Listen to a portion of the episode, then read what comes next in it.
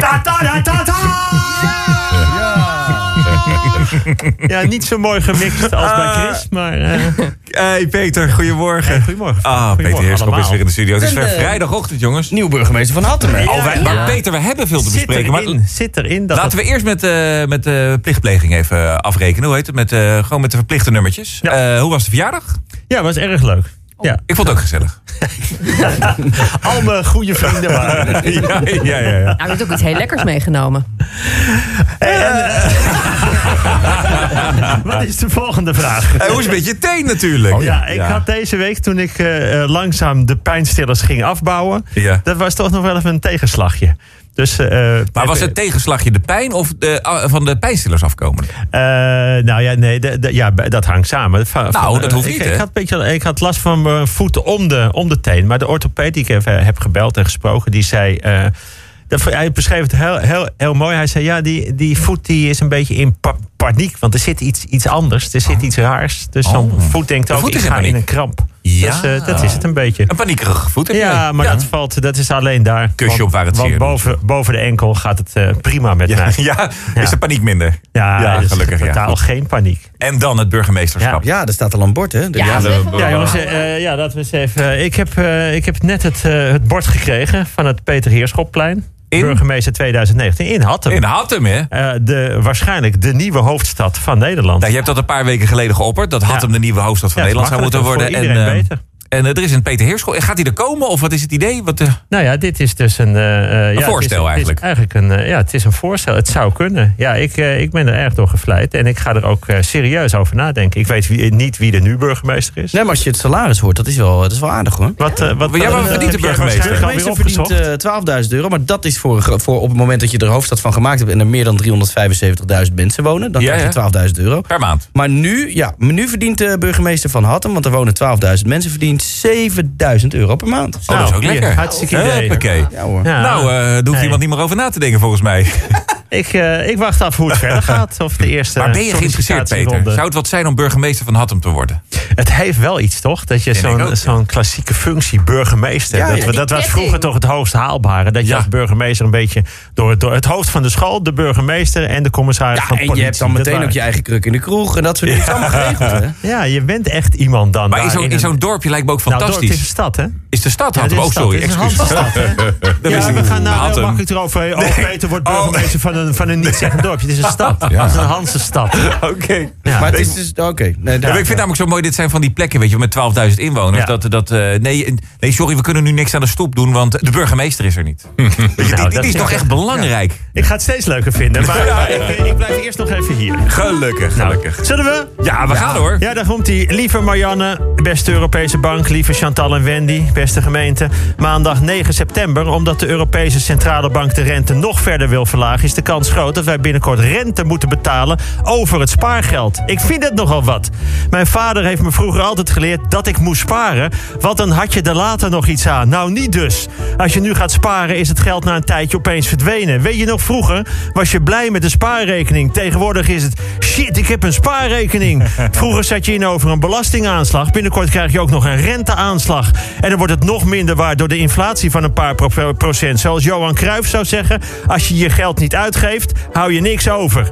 Dat wordt dus weer ouderwets geld in oude sokken en geheime laadjes. Krijg je geen rente, maar hoef je ook niks te betalen. Cash is de toekomst. Dus ik zou zeggen, salaris ook niet meer over laten schrijven op een bank. Gewoon weer cash in een envelopje. Of als het daar niet in past, zoals bij Frank in een koffer. Nou. Of, zo, of, of zoals bij John de Mol in een enorme container. Maar het gaat om het idee. Cash is het nieuwe sparen. Dinsdag 10 september. Oranje heeft afgelopen interlandperiode twee keer gewonnen. Eerst was er vrijdag die heerlijke 2 zu 4 tegen die manschaft. En gisteren werd het vooraf favoriet geachte Estland met 0-4 van het Baltische kastje naar de muur gestuurd. Kortom, Oranje ligt prima op schema. Het is nu in de kwalificatie nog even zaak om twee keer te winnen van Noord-Ierland en Wit-Rusland. Dan een beetje gunstige poolloten voor de EK. Daardoor de pool komen. In de knock-out fase winnen van Italië, Engeland en België. En in de finale over Spanje heen walsen. En dan zijn we eindelijk na 32 jaar weer Europees kampioen. De brexit leidt tot grote verdeeldheid in Engeland. Nou, wij hebben in Nederland ook onze eigen interne strijd... die kan leiden tot diepe verdeeldheid. En dan weet iedereen gelijk waar ik het over heb. Tijdens de eerste uitzending van het nieuwe seizoen van Dancing with the Stars, gepresenteerd door Chantal Jansen, Ja. was een aantal negatieve berichten op Twitter die werden geliked door Wendy van Dijk. Ja, mensen, zo is het. Wendy van Dijk heeft twee vervelende tweets over Chantal Jansen geliked. Het hele land gaat naar de kloten. Want wie moet je nu kiezen? Ben je voor Wendy of Chantal? Ben jij meer een Wendy of een Chantal? En dan heb je ook nog Li- Linda. Probeer dit land maar eens bij elkaar te houden. Maar gelukkig, wat blijkt? Wendy heeft niet geliked. Dat heeft een hacker gedaan. Die heeft haar wachtwoord gekraakt om een hartje bij een belediging aan te klikken. En op zo'n manier een bijna burgeroorlog in Nederland te veroorzaken.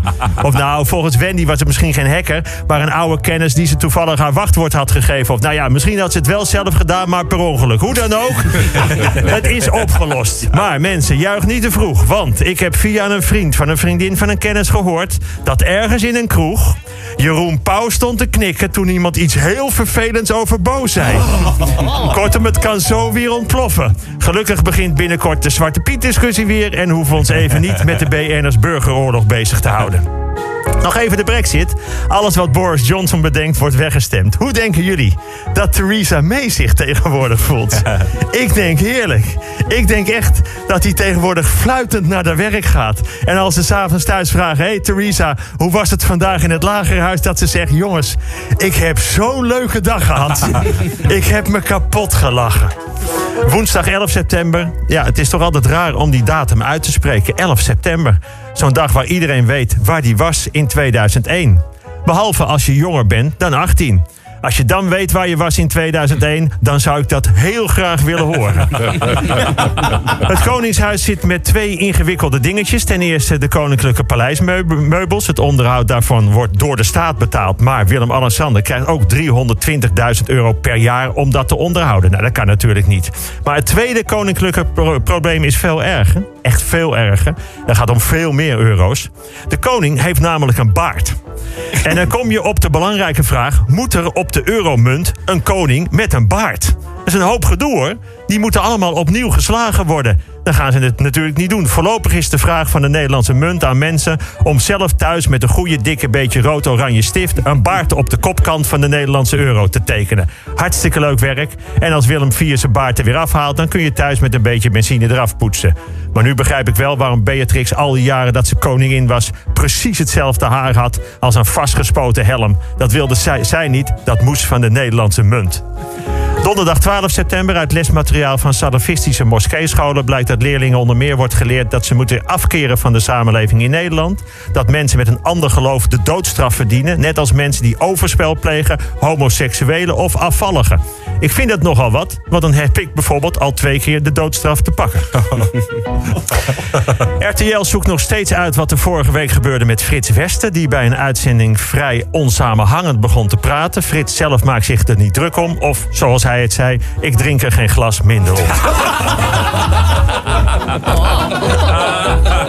Apple heeft weer twee nieuwe telefoons gepresenteerd. Dat doen ze, eh, net als andere merken, elk jaar. Verrassend genoeg is de nieuwe altijd beter dan de oude. De vorige is eigenlijk niet meer bruikbaar, zeg maar. Die van vorig jaar is eigenlijk meer type Flintstones. Kan helemaal niks. Dat je daar ooit mee hebt kunnen werken. Wat een lachwekkend ding. Met die van twee jaar terug kun je bijvoorbeeld nog gewoon bellen. Dus het slaat helemaal nergens op. Nee, de nieuwe iPhone 11 is even iets heel anders. Die heeft een camera voor en twee camera's aan de achterkant. En de iPhone 11 Pro heeft zelfs drie camera's aan de achterkant. Zodat als je een selfie maakt van je voorkant... zie je ook gelijk je achterhoofd. Het is een fantastisch ding.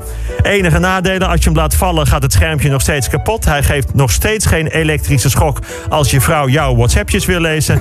en over een jaar is hij alweer verouderd. Maar ik zeg kopen, want als je je geld op de, ba- op de bank laat staan... heb je aan het eind van het jaar zeker niks.